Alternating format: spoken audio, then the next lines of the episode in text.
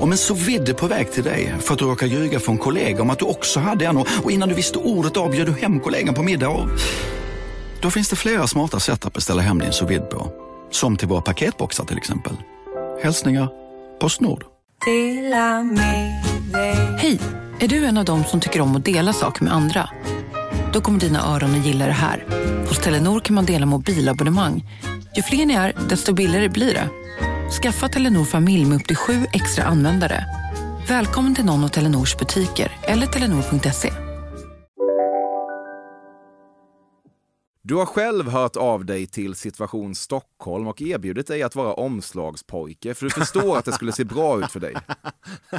ja, men det, jag fattar. Jag, men så här då, så här kan jag svara på frågan. Nej, men jag har hört av mig till Kumlabunkern och erbjudit dem eh, liksom en föreställning av Drömmen om Amerika och kände mig väldigt fin när jag åkte dit och uppträdde. Bombade fullständigt, för de som sitter där är, hör och häpna, idioter. Eh, och, tyckte, och bjussade inte alls på sig själva. Och sen, och sen så fick jag känslan när jag åkte därifrån, så här, men vänta nu här, vad fan, vänta nu här, det här är inte alls att liksom erbjuda sig upp, eh, det här är inte nära att vara Läkare utan gränser.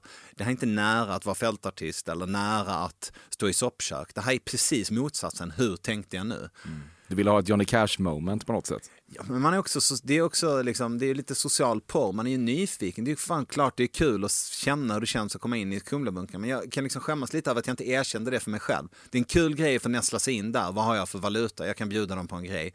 Men just det jag skäms över det är att jag gick och tänkte att det liksom gjorde mig till en bra människa och bjussa, bjussa på det där. Jag hade kanske varit en bättre människa att höra av sig till brottsofferjouren och säga vad kan jag göra för er liksom. Det finns massor med människor som inte upplever att de har fått rättvisa. Kan jag göra något för dem? Men nej, jag ska leta upp mördarna och ge dem fribiljetter.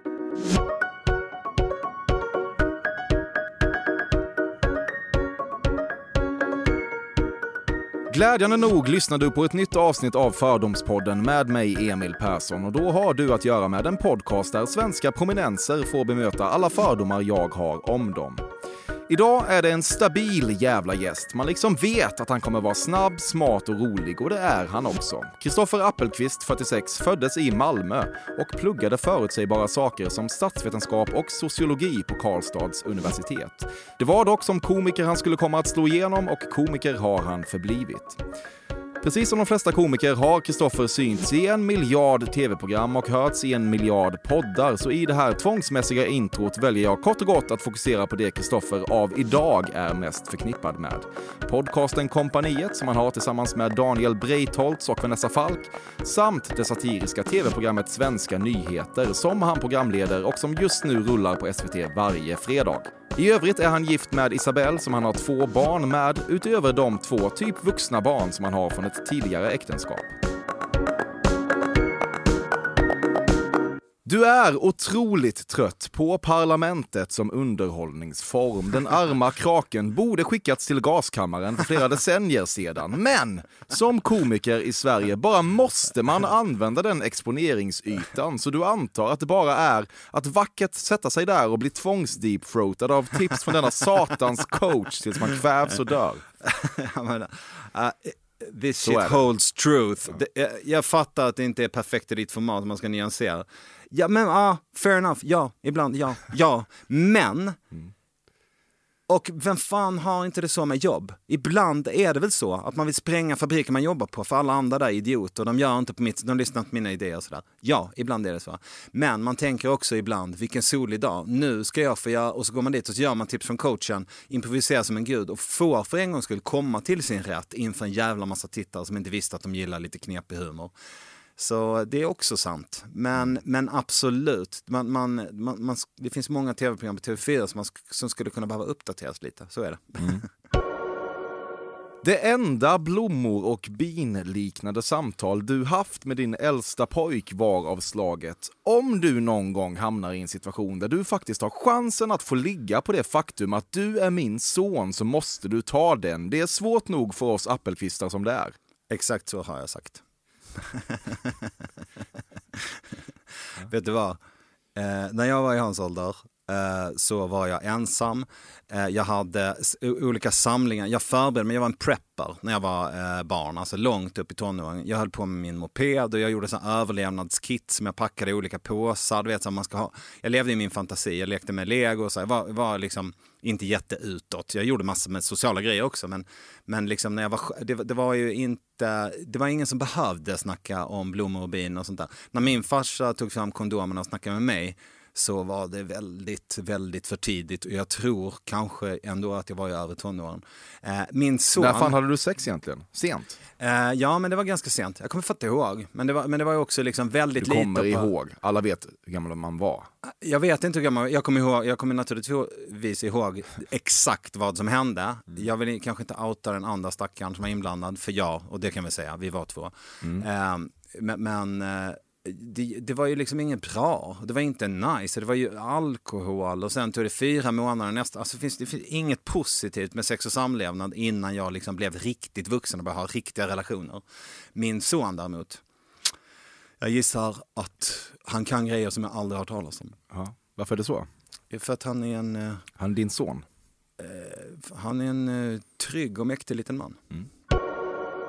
Det bara känns bättre med handikapptoaletter. Det är något med Lebensraumet där inne som får dina tarmar att slappna av och därmed prestera bättre. Den är premium. Jag är premium. Det är ingen där. Det är aldrig kö. Det står aldrig... Okej, okay. jag, hade, okay, jag skulle faktiskt inte heller tveka att gå förbi. Om, om jag står och är på väg in och det kommer någon i en wheelie han ska se bra pissnödig ut för att jag ska, jag, bara, jag var först i kön. Absolut att den här är optimerad också för dig. Det är ett plus. Mm. Men det betyder inte att jag inte får pissa där. Uh, nej men verkligen. Det är, va, va, jag, jag, går inte på småtoaletter. Ja, visst gör du inte det? Nej det gör jag inte. Nej. Det är fan, det är armstöd och hela skiten, det är klart. Ja. Det kan ju bli väldigt jobbigt för dig om det står en eh, då funktions eh, eller rörelsebehindrad människa utanför sen när du kommer ut. Om det sitter en nerpissad wheelie och gråter utanför, då kanske mitt stenhjärta tinar lite. Men jag tror faktiskt inte det. Den är till för alla, men den, man får också komma in om man har uh, rullstol. Så måste vi se det. Mm.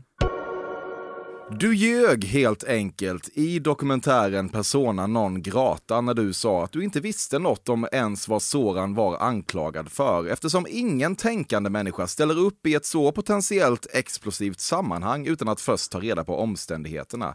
Det var ord som plötsligt bara slank ur dig under inspelning, stundens ingivelse. Du visste redan att Öss och Måns Möller också var bokade och fick något slags hybris. Du tänkte, här är det inte svårt att vara voice of reason. Jag kan säga lite vad som helst och ändå framstå som smart. Ja, eh, det är svårt att svara ja eller nej på den eh, frågan. Den är lite komplicerad. Men... Ja, det är den. Så man får näst, jag, jag, får bena ut den. Det är inte min starka sida. Jag kommer aldrig sluta prata. Man kan, börja, man kan, man kan bara... börja med den, liksom, den hårda anklagelsen som är att det stämmer helt enkelt inte att du inte visste vad Soran var anklagad för. Ja, du är själv tv-producent så du vet ju eh, villkoren för när man gör, gör det där. Det var ett jätte, jättelångt samtal och det är väldigt få bitar som det, man kan ju inte neka till vad man har sagt, men man kan ju neka till kontexten. Mm. Och, och, om vi snackar om kontexten, jag visste absolut inte att Öss och Måns var bokade för att göra det där. Jag upplevde att jag var ensamt voice of reason. Det skedde i en kontext som, som förklarades i, alltså i intervjun, om man skulle kolla på det råa materialet, så framkommer det att jag hade ingen kontakt med Soran överhuvudtaget. Av den enkla anledningen att jag krökar inte, jag knarkar inte, jag stannar inte kvar efter jobbet. Jag sköter min familj. Jag är en gammal farbror som sköter en familj. Så jag är helt ointresserad av allt sånt där. Men, men när jag såg att eh, han hamnade i blåsväder och eh, jag fick den här känslan av oh my god, tänk om han inte har gjort någonting. Tänk om han hoppar från Västerbron. Då ringde jag till honom och sa, vill du ta en promenad? Då gick vi och spelade badminton. En gång. Och sen så la jag upp en bild på sociala medier att vi var och spelade badminton. I någon sorts känsla av, det är inte förbjudet med racketsport. Det betyder inte att jag tycker att våldtäkt är okej, okay, men det är också så att man inte är skyldig förrän man är dömd. Så mycket engagerar mig i den grejen. Jag fick så jävla mycket skit. Min fru blev sur på mig för att jag la upp den där bilden och jag lät det bara dö ut.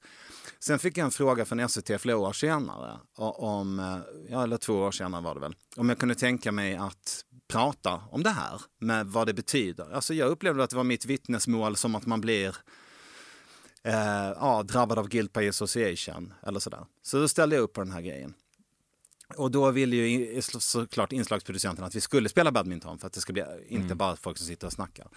Och ja, det där borde jag inte ha tackat ja till. Jag borde verkligen ha satt mig in i vad Du hade alltså inte gjort det? För. Jo, men alltså jag, jag, jo, jo, flera fall av våldtäkt och sådär. Men det jag sa var ju att jag har inte läst på Flashback. Alltså jag vet ju bara det som jag har läst i tidningen och det är ju ingenting. Han är friad, det är nedlagt och sådär.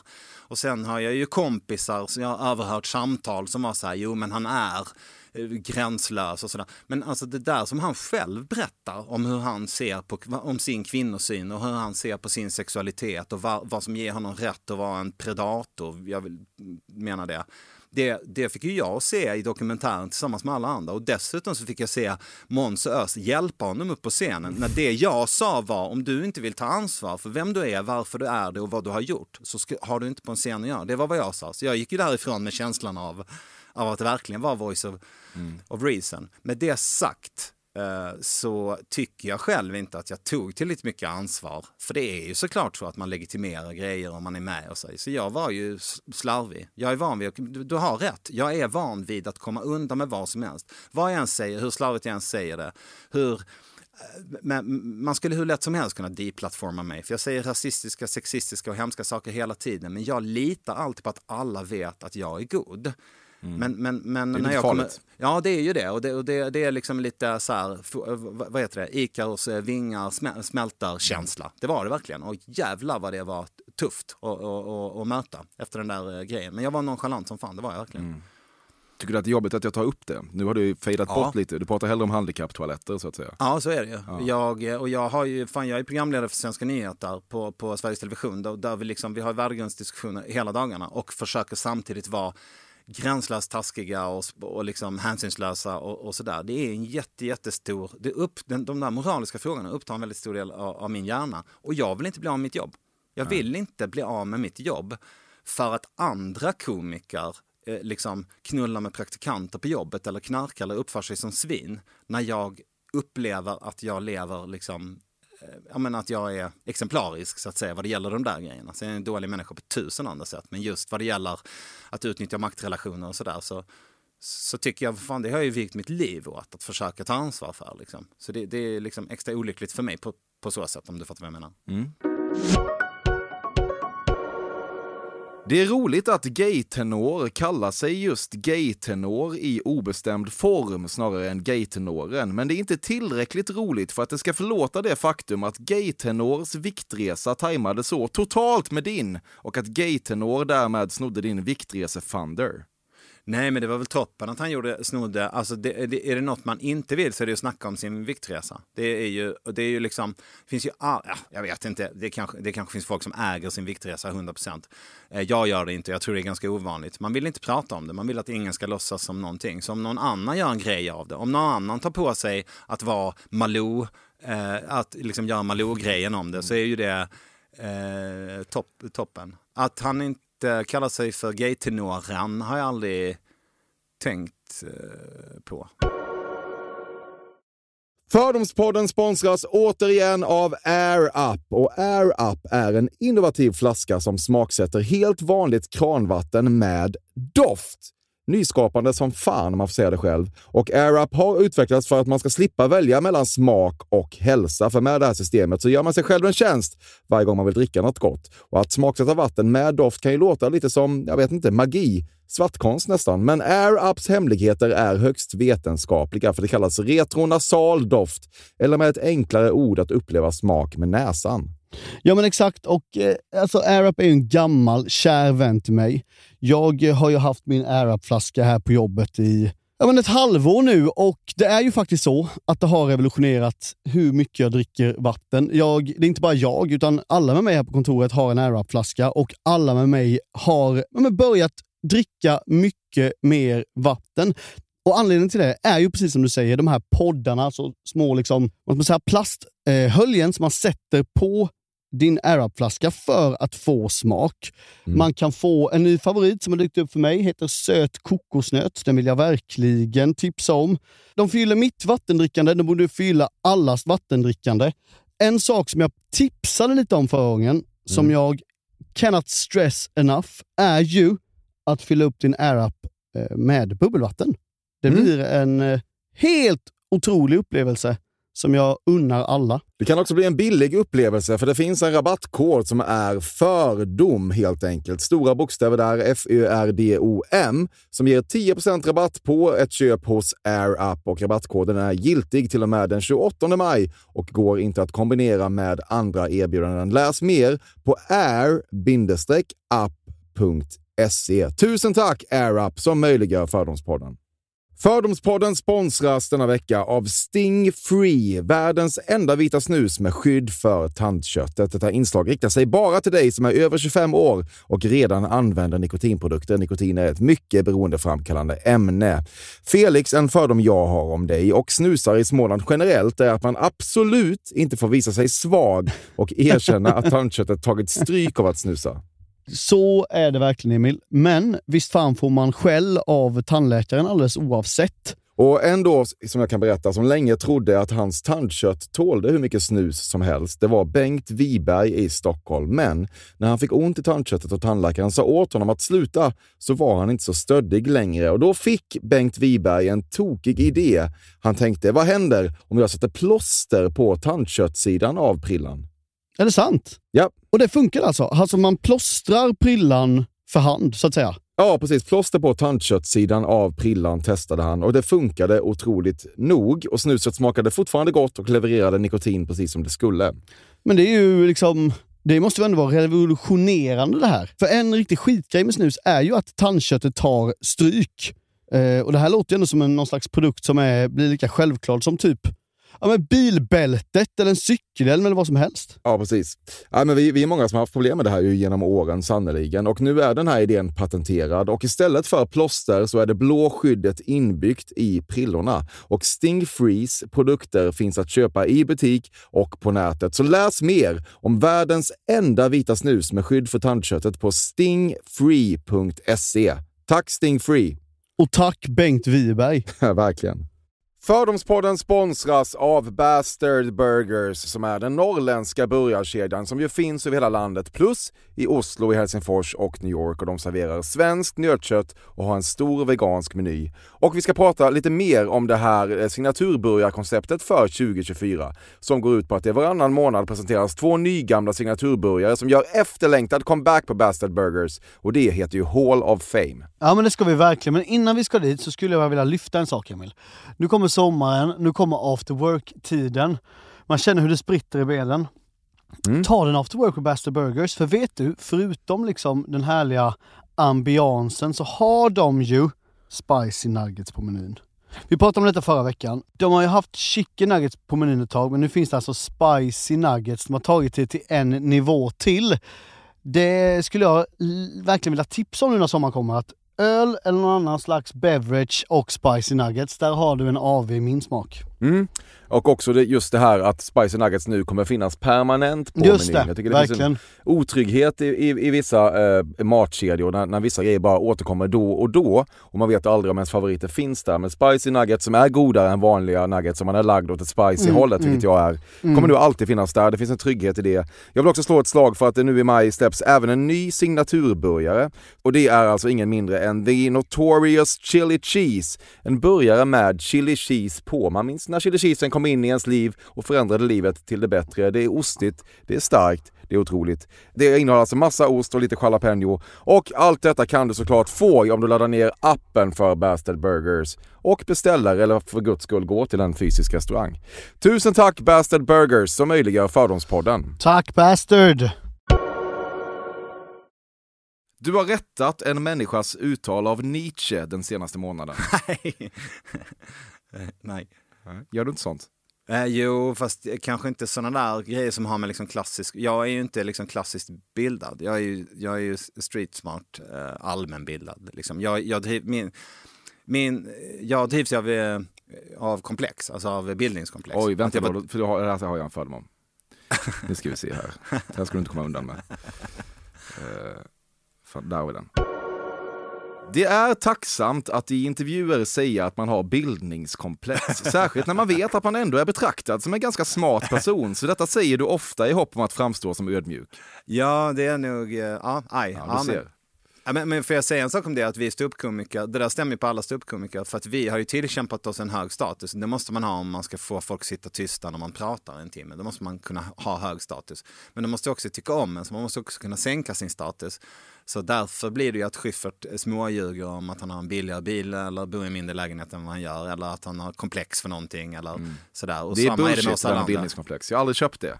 Vad synd det är om er. Det går skitbra. Folk tycker att ni är jättesmarta. Nej men, nej men nu blandar du ihop två grejer. Jag säger inte att jag har bildningskomplex. Jag säger att det Har du det aldrig som- sagt det? Nej, jag säger inte att jag har. Nej, det tror jag Nej. faktiskt aldrig jag har sagt. Okej. Ja, eller jo, men då var det väl sant om det var länge sedan. Ja, jag men nu för tiden har jag inga bildningskomplex och jag har inga särskilda komplex överhuvudtaget. Men det är det som har varit min motor. Om man inte går färdigt skolan, om man upplever att man är dum, man klarar inte av att gå i gymnasiet, man sitter i en obsklass som jag gjorde för att man inte ska störa de andra barnen. Det är klart som fan att man tror att man är dum, man inte kan lära sig. När man då helt plötsligt får energi av det, så här, jag ska fan visa dem. Det är klart att då blir man rätt bra på att hämta in kunskap. Och så fort man hör någonting som man inte fattar så kickar den känslan in och så går man och läser på. Och rätt vad det är så är man 46 och är över eh, snittet allmänbildad. Eh, men eh, det vet jag ju också om. Så nej, jag har ingen bildningskomplex nu. Men, men, men jag har inte heller boklig bildning på det sättet. Jag, har aldrig, jag, vet, jag kan inte de där filosoferna eh, och, och sådär mer än som referenser. Jag vet att det är någon. Jag vet ungefär vad han har gjort och sådär. Ibland känner du att sexmissbrukare talar ut om sitt sexmissbruk bara för att få ännu mer sex att missbruka. Ehm, jag vet inte om det gäller sexmissbrukare, men alla missbrukare, eller ja, inom alla missbruk så finns väl den liksom fenomenet att eh, ja, det enda du snackar om är alkohol och sen slutar du kröka och så fortsätter du bara snacka om alkohol, alltså att de liksom inte byter spår i livet, om, om det är det du är inne på. Ja, fast eller? då är de ändå avhållsamma från alkohol antar jag i ditt exempel. Du menar att sexmissbrukarna fortsätter knulla? Liksom. Ja, att de talar ut om det. För att, bygga att säga sig som väldigt sexuella människor. Eh, Jag har inte tänkt på det, men det låter, det låter troligt och antagligen sant. Trots att du inte alls kan redogöra för skillnaden slänger du dig hellre med ordet sociopat än psykopat för du tycker att sociopat har ett mer bildat skimmer runt sig. Nej, det känner jag inte igen. Du är djupt avundsjuk på din svenska nyheter-företrädare Jesper Rönndahls bråk med Kina. Du känner att du skulle behöva något liknande för att verkligen fullt ut känna att du tagit över hela Sveriges satirfackla. Ja. Det stämmer. Eh, det är ju ett... Ja, det, det är Alltså, det ja, men det är, det är 100 procent. Och du kan lägga till fler saker. Han har, eh, vad heter det, eh, Gösta Ekman-statyetten från Humorgalan. Jag tror att det var jag som fick gå upp och ta emot den, men det var för sången som han hade gjort. Jag har gjort så många mer avsnitt än honom och slitit så mycket med det där eh, programmet. Och, eh, Ändå är det Kina folk minns. Ja, men det, det, det är inte det, rätt. Det, det är väl inte fel heller, men, men om det är en uh, tagg i, i mig, ja, jag skulle ljuga annars. Ibland när du har tråkigt roar du dig med att gå in på Memmo och kolla vilka komikerkollegor som har anslutit sig till denna usla utsugartjänst. Nej, det har jag faktiskt inte gjort. Men, där, men jag, har, jag har ju såklart ironiskt uh, gjort memohälsningar till kompisar. Det har jag gjort. Alltså du att du har köpt av andra. Eller? ja, precis. Eller jag, när jag tänker efter det, kanske bara blev Eller är av. du, är du med där? Nej. Nej, jag där. Nej. Oj. Nej, Nej, men- nej, men de tjatar väldigt mycket och jag kan inte förstå. Jag kan inte tro att det finns någon vidare efterfrågan på att jag ska hälsa grattis på födelsedagen. Jag, kan inte jag, kan, jag har så svårt att förstå affärsmodellen också. Mm. Vad fan om jag vill bli marknadsknalle, då kan vi stå och sälja brända Manda i Kivik. Det är ju skitroligt säkert. Men varför i helvete skulle jag ha tillkämpat mig den här positionen om det var det jag ville hålla på med? Jag, jag förstår inte. Du skäms över att du är kapabel till något så banalt som morgonstånd. N- nej, det skäms jag inte för. Nej. Va? Det är väl banalt? Ja, eh, nej, Banal gillar du inte att vara. nej, ja, nej, där tappade du mig. Men eh, Okej. ja, fortsätt. Testar lite grejer. ja. Även du har överskattat innehållsvärdet i och därmed instagrammat Bolibompa-draken som ligger och skräpar skenbart i en SVT-korridor och som SVT på ett faktiskt ganska slukt o-SVT-igt sätt låter ligga där för att få lite PR från en massa aningslösa människor som vill visa att de är viktiga nog att röra sig i närheten av skenbart exklusiv SVT-rekvisita. Det här kommer du vilja klippa om. Nu ska du få veta varför. Det där stämmer inte. Bolibompa-draken står ju i lobbyn och har gjort gjort så länge. Den fotar alla sig med när de går förbi. Du pratar om Bjarne i Bjarnes magasin. kanske Han det, ligger ja. utlagd. Ja. Så ställer om frågan och säger Bjarne, Bjarne Vi, vi, kan, vi kan ha det så här, det funkar. Fair enough, men Ja. i björnedräkten, ja. När jag gick mellan SVT-huset och Sveriges Radio i en kulvert så låg Björne eh, på en divan där, liksom utslagen och såg nyknullad och pårökt ut. Och då kunde jag inte låta bli att ta en selfie med honom. Och sen så inser jag, just det, du det är därför den ligger där och, det, och, där, och alla eh, gör, eh, gör det. Så det, det är sant. Men Bolibompa-draken står ju i foajén. Mm, Okej, bra. Du har testat GHB. Nej, jag, jag vet faktiskt, det är knark ju, men jag vet Mm. inte vilken sorts. Är det centralstimulerande eller? Jag vet fan inte faktiskt. Det Är det ju- mer man heroin dricker, eller man mer dricker det i alla fall. amfetamin? Ja, Man dricker nej, det, verkligen inte. Vad har du testat? Ja, Mariana och eh, hasch Mm. eh, när jag gick i obsklass och sen never since. Det finns mycket att säga om Hasse Bronténs politiska hemvist, men du avstår. Nej, han är, det är väl ingen hemlis eller? Han är ju fan gammal eh, piketpolis. Han, om han inte är moderat så kom, kan han ju inte gå ut på gatorna. kommer han ju få stryk av alla kvarvarande poliser. Stannade där? Stannade vid Moderaterna? Det, vill jag inte spekulera, det vill jag inte spekulera i. Men, men, men jag har ju hört sådana historier om när de liksom åkte, om det är Hasse som har berättat i något sammanhang, att, de, att, det liksom, att hela pikén var att de sa så här, kooperativ butik höger, synfält vänster, och så vände alla poliserna liksom huvudet bort så att de inte skulle behöva kolla på, på Konsumbutiken när de åkte förbi. Att det, fanns en sån, ja, men det fanns en kultur kring Det måste att vara på, det är helt sjukt. Nej, men det finns ju både i Försvarsmakten och polisen liksom en, en, en sån... eh, Ja, men Moderaterna var ju de enda som liksom stod på deras sida som ville ha polis. De andra politiska partierna var ju så här, poliser är liksom en kvarleva från ett auktoritärt samhälle. Vi ska ha fler dagisfröknar bara. Så var det ju ett tag på 70-talet. Det är ju från den, ja skitsamma, man behöver inte intellektualisera det här, men moderat eh, tror jag. Ja, okej.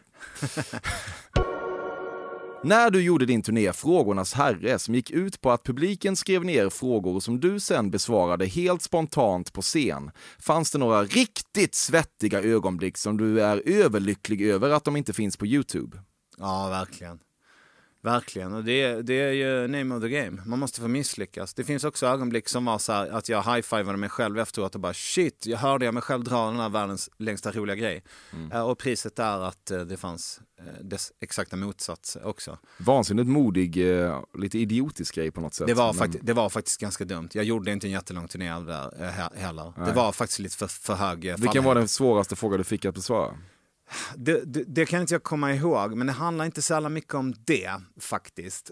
Eh, för det går att improvisera, det går att leda. Alltså du vet, det finns ett trolleritrick som är Magicians choice. Säg vilket kort du vill. Och så på något sätt så är det det kort som sitter i taket. Och tricket är ju alltid olika varianter av att trollkarlen har lurat dig och säger det han vill. Alltså att han väljer. Och så är det när man säger fråga vad du vill också. Jag, jag, jag har 17 olika grejer som jag är beredd att svara på. Och din fråga kommer gå att leda till en av dem. Du kommer inte märka hur det gick till. Jag är ganska manipulativ på, på så sätt. Det är mitt jobb liksom.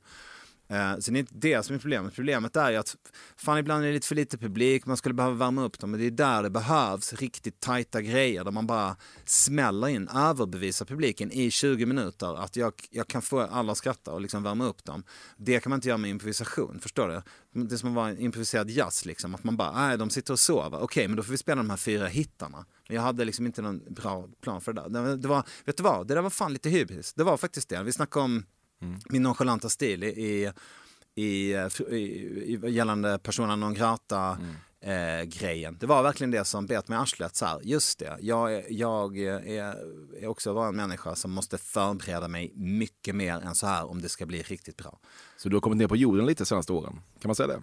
Ja, och det handlar mycket om eh, arbetet med Svenska nyheter, för där jobbar vi i grupp. Och då, jag är, har varit dålig på det, men jag har tvingats lära mig de verktygen och förstått eh, liksom hur att ett plus ett kan bli fem om man blir duktig på att samarbeta med andra människor. Så jag har blivit lite mer ödmjuk för det, ja. Ibland ser det ut som att en drake skitit i din toalett. det, här, det här är otroligt privat alltså. nah, Men, ja. men det är en jävla- jag, jag, jag, innan jag ger bort för mycket, vad, vad menar du med det? jag menar att eh, det, det ser för jävligt ut där. Porslinet är inte vad det borde vara och så vidare. Ja men du pratar bara om porslinet och det här kommer ju från en smalrövsperspektiv. Tänk dig in att du är också en bjässe med jätteröven. Toaletten är ju inte dimensionerad för oss. Det betyder ju att det blir ju hår. Och, alltså förstår du? Det väljer ju ut. Det, Ja, men, Vad menar du? det- men jag menar att det är ju inte bara porslinet ibland, utan det är även du vet så här hår och så här kalsongfnas och grejer, att det liksom blir liggandes på sitt. Åh, herregud. Nej men det, det, det, jag, kan du vara det här, gift? Nej, nej, nej, det här måste du klippa bort. Det här får, nej, det här, är för, det här går gränsen. Ja, det jag så. kan inte prata om, tack, det går jättebra på toaletten, det där har du inte med. I min toalett har du inget att göra. Okej. Du minns med värme singeltidskänslan som uppstod när One Night Standet lämnat lägenheten och du äntligen fick sätta dig och drakskita. Eh, nej. nej jag, jag har nästan aldrig varit singel i hela mitt liv. Nej. Eh, Jag har Varför inte då? för, att, för att jag är 46 år gammal och jag har fyra barn i åldrarna mellan 25 och 2 och ett halvt. Eller 25 och 4 månader. Så jag har Däremellan finns det varit- möjlighet att ha jättemycket singeltid. Ja, det är några få dagars singeltid däremellan eh, kan jag säga. Okay. Är du rädd för att vara själv? Nej, vet du vad? Jag hade svarat annorlunda på det där för, för tio år sedan. Men nej, jag älskar att vara med min familj. Jag älskar att ha en rolig familj. Det är mitt happy place. Alla, alla dagar i veckan, alla timmar om dygnet. Jag vill alltid vara med min familj. Jag är superglad. Det är viktigt för dig att vara en person som vet att den onda dockan heter Chucky. Eh, Ja, och det gäller alla ståuppkomiker. Vi samlar på referenser. Det är det som är vårt Mm. Fan vad ni älskar livsluft. skiten. Vi, vi, alltså jag har inte sett filmen Den onda dockan, så det, det är väl det som är symptomatiskt. Att för mig räcker det att veta att han heter Chucky. Det räcker att kunna göra en habil, ha- om det heter habil, nej, om en, en okej härmning av Chucky wanna play och göra så här, Chucky wanna play. Det, så här, det räcker, då behöver jag inte se skiten. Och så är det med alla filmer. Jag har inte tid att se dem, jag måste ha, plocka alla referenser. Jag måste kunna... Med andra ord är det viktigt för dig att vara den här personen. Eh, det är viktigt det för, all, för, för all, ja exakt. Ja. Du vet att bitcoinintresset kommer att få Mårten Andersson att förlora både jobb och familj, men du ser det inte som ditt ansvar att stoppa det. Uh, ungefär så.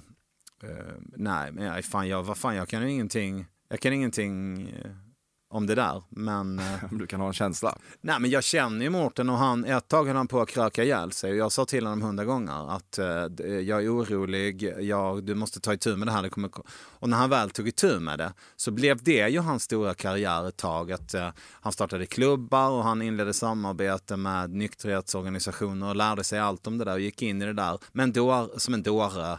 Liksom, och gjorde det till något bra. Han har en förmåga att göra också allting till innehåll och berättelser där eh, och sådär. Ibland är det kanske en bumpy road. Jag, jag förstår inte till, om, om liksom kryptovaluta för att veta hur det där landar. Men jag vet att han hittar ju alltid ett sätt att göra det till, till innehåll och klubbar och sådär. Det är en cool man det där. Det är en entreprenör som, eh, som eh, eh, hitt, hittar liksom verksamhet eh, på ställen som ingen annan gör. Det är roligt. Och han är, han är ju en av de som skaffar mest jobb till alla oss andra. Han, start, han driver ju klubbar hela tiden. Överallt är det gig som han har fixat till oss andra. Därför är det viktigt att bitcoinintresset inte får honom ner på samhällets botten ju. Ja, det är med, ja, men, ja men så här då, okej om jag får säga till Mårten då. Lägg inte alla de äggen i den korgen, utan tänk så här, för varje år som du ska låta ditt kapital växa, tänk att ungefär 10% ska vara i räntebärande papper. Resten kan du lägga i den här, eh, vola, vola, ja det där ordet som jag inte kan. Till, Eh, eller? Volatil, ja men så här riskkorgen liksom. För det har jag nämligen läst på Handelsbankens sparguide, där jag har mina pengar som växer med minus 0,2% per decennium.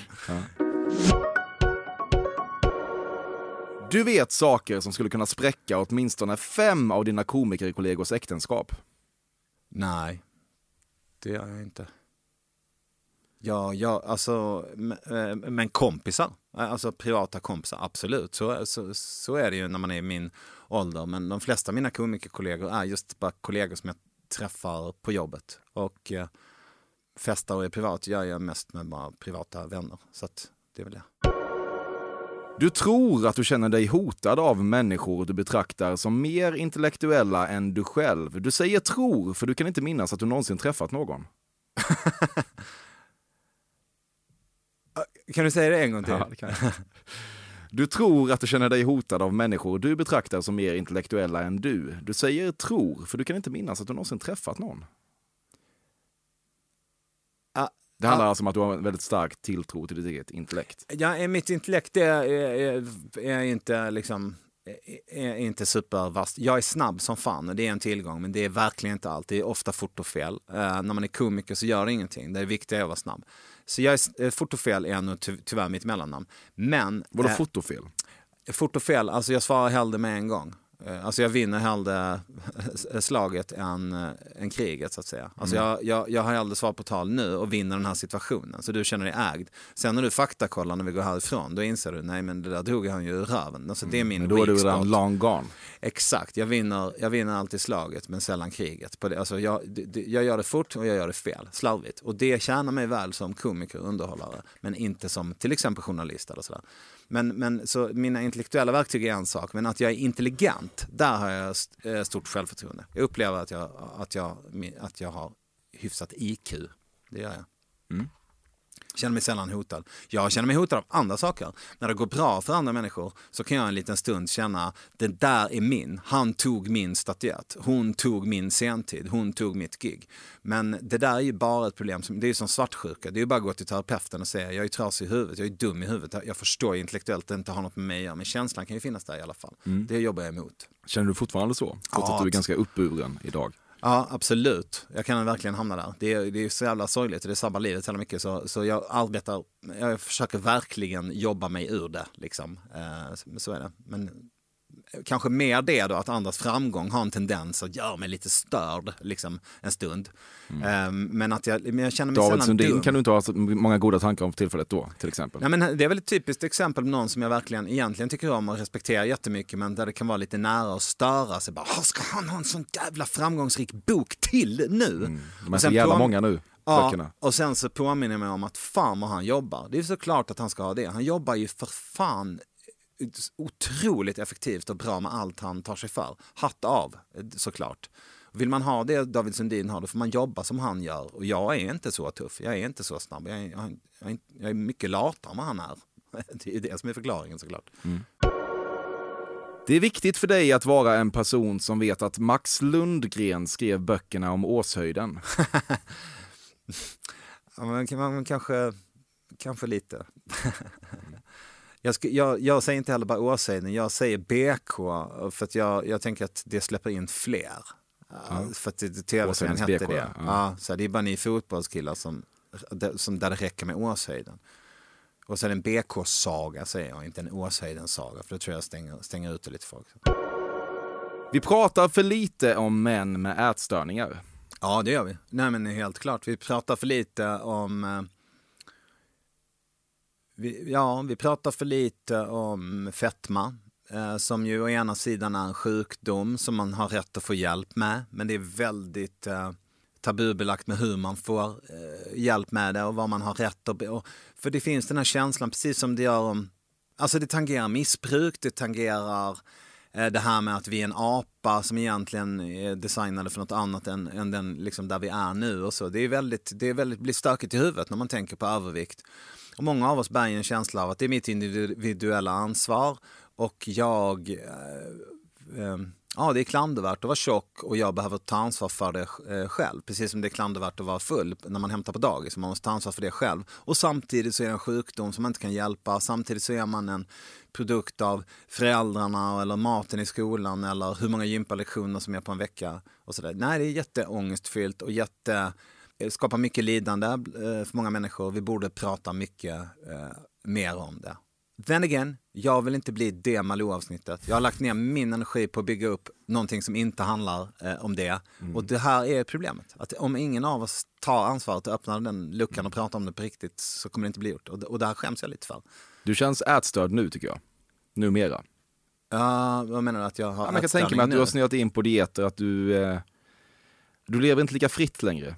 Nej, Nej, tvångs, gud. tvångstankeorienterat kring kost. Ja, men det har faktiskt blivit, det- ja men, men vet du vad, vet du vad, och, ja, okej, vi, fan, vi öppnar väl den luckan då. Lite kan vi göra det. En pyttelite kan vi göra det. Men, men alltså, jag har, jag har vägt allt emellan, alltså som min nuvarande längd, jag är 1,93, det tror jag att jag var när jag var kanske 17 eller 18.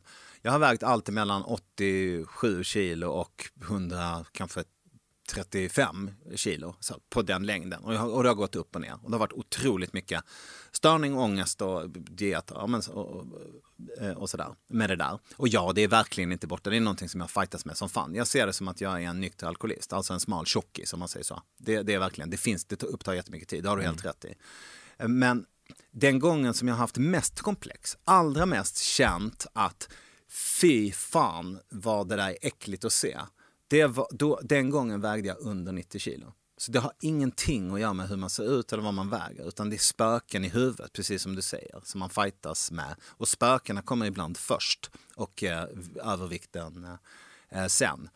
Men eh, fan, jag är ju så privilegierad så jag har ju medel så jag kan ju skaffa vilka psykologer och läkare jag vill nu för tiden. Så jag mår ju toppen och vill inte att någon ska behöva oroa sig eh, för det där. Så nej, jag ska inte säga att jag har några ätstörningar nu, men, men det är för att jag är, alltså, vad ska man säga, nykter eller vad man ska säga, mm. nu liksom. Mm. Bra, då stänger vi Malou-lådan för idag. Skönt för oss alla kanske. Din penisstorlek korresponderar tyvärr inte riktigt med längden på din kropp och i ditt liv har du haft mycket ångest över att på så vis alltid servera en negativ plot twist i sexuella sammanhang.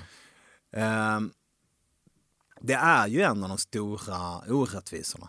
Det är ju det. Att penisen, alltså man borde ju presentera penisen i någon sorts typ glory hole eller så initialt. Ja, alltså det, ja, det, nej men det, det, det, det, är ju fruktansvärt orättvist att en penis som är normalstor kan upplevas som pytteliten om den sitter på en stor kropp. Fast att det inte spelar någon roll. Vaginans storlek ändras ju inte eh, av det. Så nej, det, det, det, det här är också en av de stora frågorna som vi borde prata mer om. Jag tolkar det här som att det stämmer. Eh, ja, min, min penis är tyvärr inte, står inte i proportion till resten av min kropp. Men det betyder inte att det är något fel på den eller att den är under något genomsnitt eller att den inte duger till. Nej, eller så. Det, det, vill jag bara, det ja. klipper du inte bort. Nej. Men ja, nej, den, den, det är ingen glad överraskning. Nej, det är det verkligen inte. Du tycker egentligen att i princip all true crime är klandervärd skit. Man gör helt enkelt inte dramatiserad underhållning av andra människors tragedier på det sättet. Eh, ja, det tycker jag. Men det är inte av moraliska skäl, utan det är för att det är så jävla tråkigt att kolla på. Du har ADHD i hemlighet, men pratar aldrig om det. För det sista Sverige behöver är ännu en person som talar ut om sin ADHD. Det stämmer. ja, det gör det. Uh, ja, och det här kommer jag nog be dig klippa bort. Men det, det, det är faktiskt precis, uh, uh, precis så. Ja. Inget får din livsgnista att slockna som intervjufrågan. Får man skämta om allt? Nej då. Jag tycker inte det är en dålig fråga. Jag tycker ofta att det är ofta dåliga journalister som ställer den liksom för att, ja, ja men det är lite jag hade, jag hade ju inte ställt den. Men frågan är inte dålig. För alla diskussioner vi har på redaktionen när vi gör eh, Svenska nyheter handlar om det. Får vi skoja om det här nu? Är det här too soon? Han dog ju fan, han, men den som, eh, får vi skoja om att den som, som är livvakt, som skyddar någon till livet, om mm. den människan har ihjäl den den skyddar, hade den då en bra eller en dålig dag på jobbet? Ah, fast det är en riktig människa också som har barn där hemma och som ska behöva titta på det här på tv och så vidare och så vidare. Det är precis den frågan som vi håller på med hela dagarna. Så det är inte klart, men den är väl lite, kanske lite för generell. Men det går att svara ärligt på den. Man kan säga, ja man får skämta om allt men inte alltid. Man får skämta eh, om allt men inte med alla. Det måste vara en tydlig kontext. Jag tänker till exempel inne på en standupklubb så kan man ju ha väldigt tydliga regler där är jättehögt i tak, men om man säger något i tv, du vet ju inte vem det är som sitter och kollar vad de har för. Man har inte en lika tydlig överenskommelse. Så det är ingen dålig, dålig fråga eh, egentligen. Du har legat med en tjej som heter Camilla. Uh, hmm. Det måste du ha gjort. Nej, det, det, tror jag faktiskt inte. Nej. I andanamn möjligtvis. det räknas inte. Nej. Nej.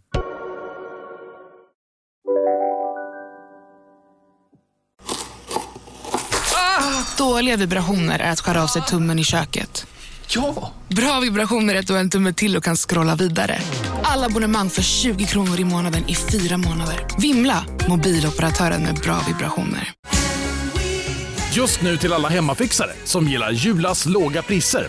En 90 liters skottkärra i galvaniserad plåt för glänsande Jula klubbpriset 399 kronor. Inget kan stoppa dig nu.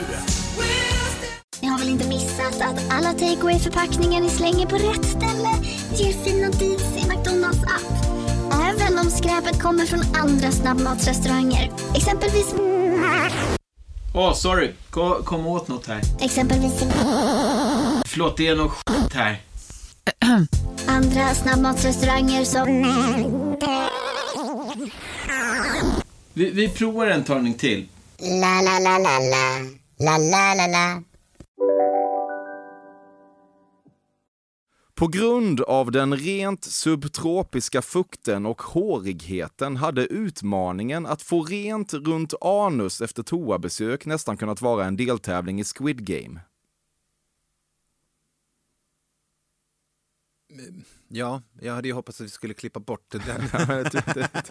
jag, var, jag var tvungen att ta med den här också. ja, jo. Det, jo. det handlar inte om hårigheten sist, det här är lite, lite ett annat spår. Nej, nej, men alltså den som har mycket päls är ju som ena halvan i ett cardboardband. Så är det ju. Vi vet ju om cardboardband att den fäster inte bara i andra halvan av en cardboardband utan den drar ju också med sig andra saker. Så är det ju. Där jag är, ja, där, nej, jag tar alltid med mig något där, när jag går därifrån så att säga. Det sitter alltid fast. Och när jag sätter mig på toa, ja då hamnar det där. Ja men så, så, så är det.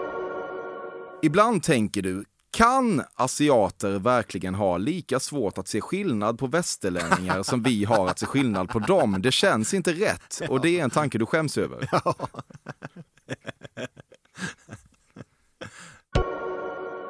Det hade också varit skönt att inte ha fler jävla småbarnsår nu, utan bara åka runt och lägga upp armbågen på olika hotellbardiskar över hela landet. Men nu blev du kär i en yngre tjej och då blev det som det blev. Tvärtom. Man börjar inte dejta en yngre tjej som inte har några barn. Men inte det för att man längtar till att ha mer familjeliv. Så kan det vara för folk. Mm.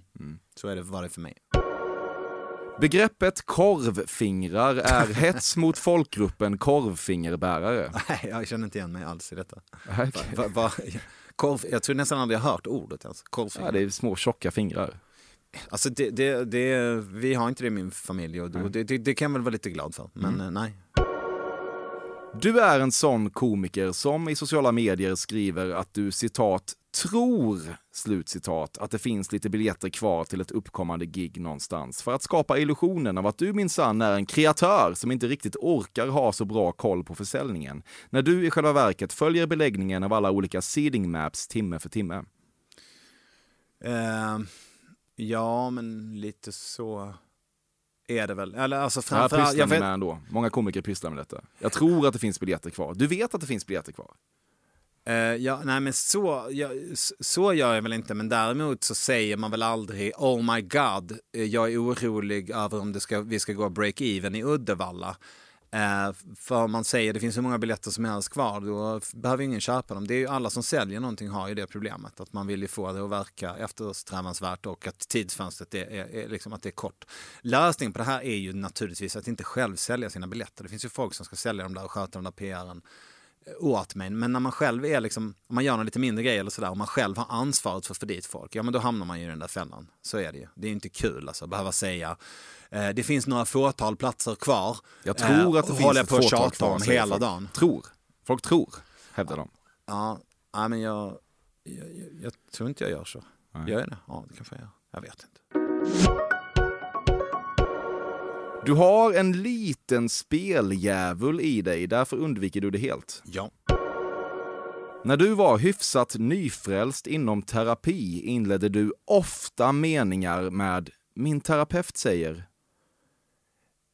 Nej, det tror jag inte. Men däremot, eh, en annan sak är ju ehm, att jag var väldigt noga med att säga eh, det som händer i mig nu, när du säger så, är, det är väl, det är väl samma sak, men, men så höll jag nog på. Men du, det här är väl 30 år sedan eller något, då. 25 kanske.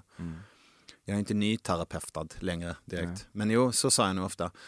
Mm, jag hör vad du säger, att man liksom tar det där språket lite. Det kan man ju höra när folk har börjat gå i terapi. Ja, men det tycker jag är mer, det är mer försvarbart än den här sägningen. Då vill man ju mest sk- skryta om att man har sin terapeut som eh, accessoar.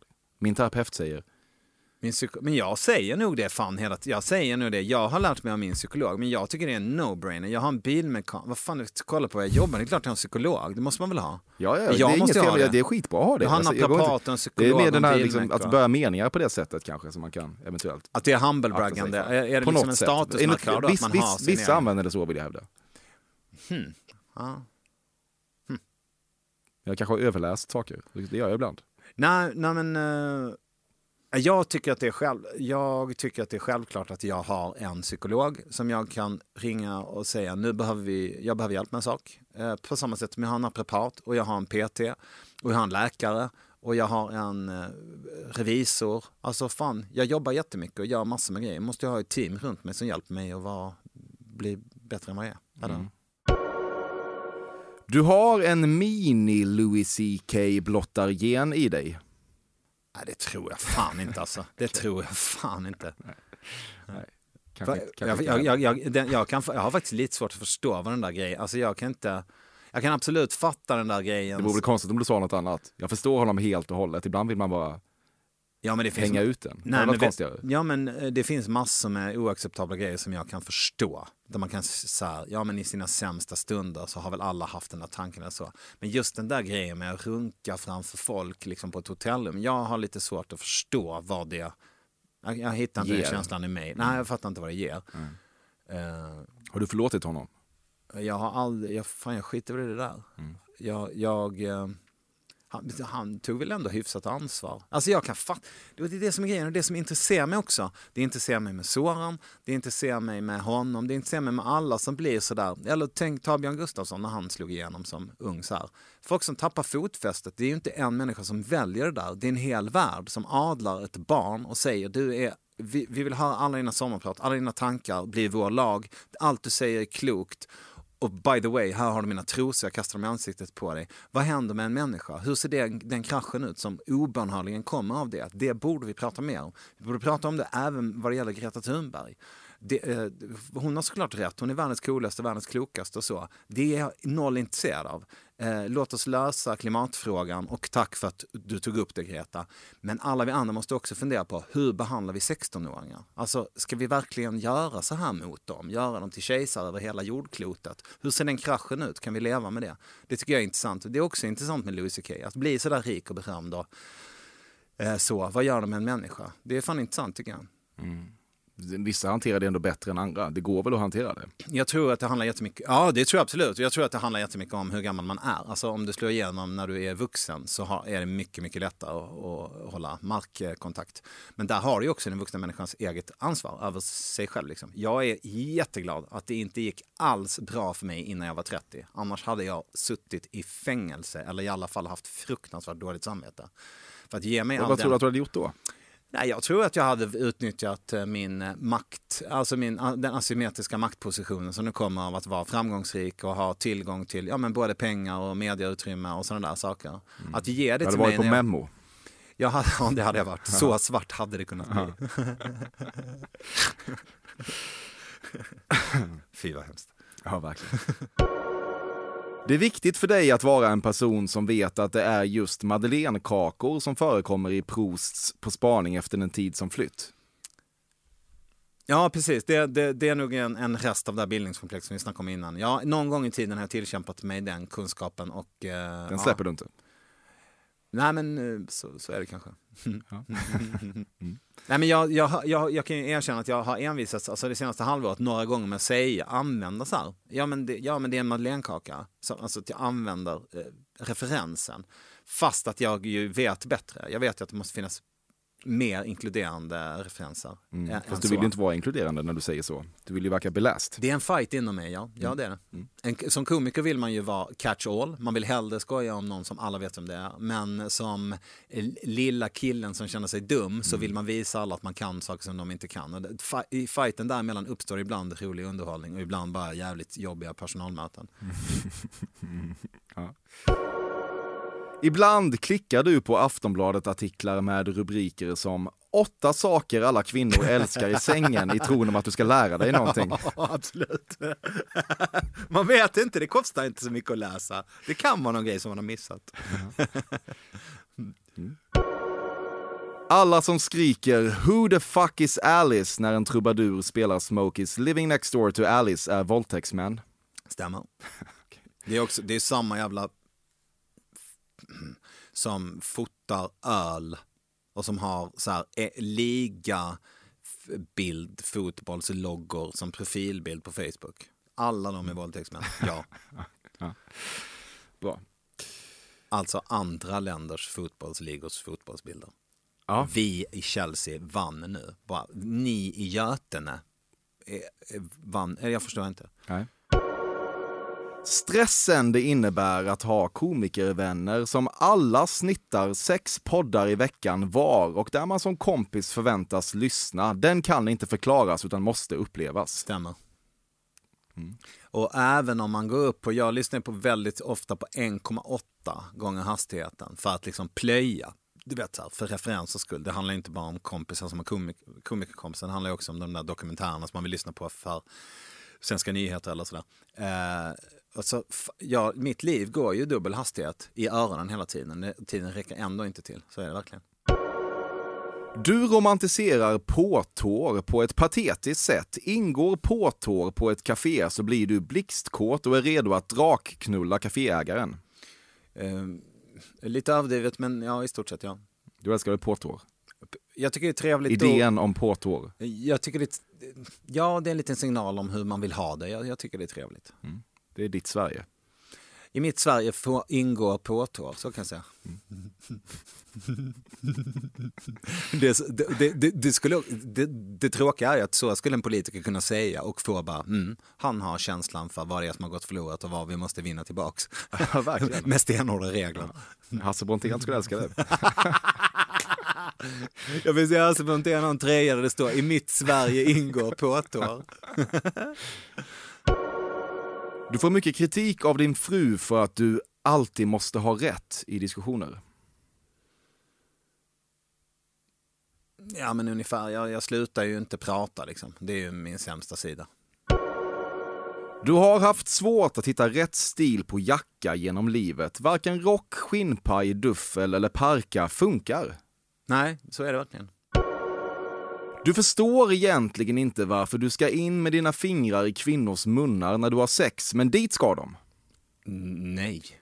Va? Nej. I munnen? Ja, Nej. aldrig. Nej. nej, det, nej. Nej, nej. Var det sjukaste du hört här? Nej, Pettersson? nej, nej, nej, inte. Äh, äh, Man, man får ha fingrarna i- på alla möjliga ställen ju såklart om samtycke finns. Det är inte det, är inte, det, är inte det jag... Det var väl kanske mer att jag undrade hur fördomen har växt Att du i dig. känns som en sån person bara. Att jag som känns alla- som en sån person. Ja. Vi som Ja. hade det så trevligt. ja. ja, men jag ska alltid riska allt för sista fördomen. Det är en tradition jag har. Oj, ja, ja det var allt på svart. Ja. Jag vill aldrig mer se dig. Nej, det är ömsesidigt. ja, nåväl. Vi får ta oss samman och utvärdera detta. Hade du kul? Ja, jättekul. Bra. Hur bra var jag på mitt jobb Nej men, i att eh, genomskåda dig? nej men bra alltså. Det är bra. Det, det, du såg mig. Du ser igenom mig. Nej men det, det, var- det var många grejer som var eh, on point, tänker jag. Vilket tråkigt svar du gav nu. Nu har du tappat allt. Är det fingrarna i munnen som spökar? Ehm, nej, men... eh, det- jag tror att du, de där sjukaste frågorna som har med- som, som så helt kinky grejer, det är ju dina egna, eller hur? Det är att du söker så här, visst är det helt normalt att, att bli kåt av att runka framför folk som har varit på ens show, som Louis CK, eller hur? Eller hur? Det är inte bara jag, eller hur? Det är du ja, också. Det är sånt du gör också. jag jämt. Ja, så, Ja. Jag, så, så jag tror att det sjukaste måste nog sättas på ditt konto. Ja, Ehm, bekvämt för dig men, att du ska vända dig dit. Men jag kan också reflektera över vilket, fan vad mycket roligare det är att ha en intervju som börjar med ett hårt påstående så det finns något att prata om och, och inte så här bara berätta om din gymnasietid. Det är ju fruktansvärt tråkigt att göra. Varför var det finlandssvenskt? Eh, för att jag kan. Hävda dig en sista gång. Tyckte jag det var kul. Fan vad mysigt att vara Kristoffer. Tusen tack för att du kom. Tack för att jag fick komma.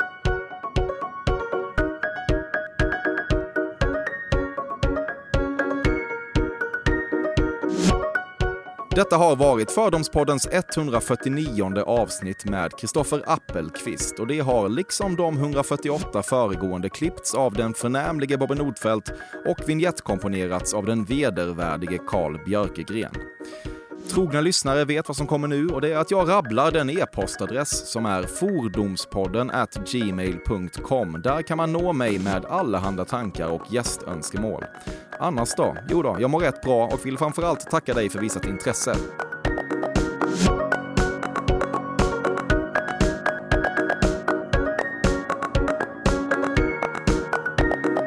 I mitt Sverige får, ingår påtår, så kan jag säga.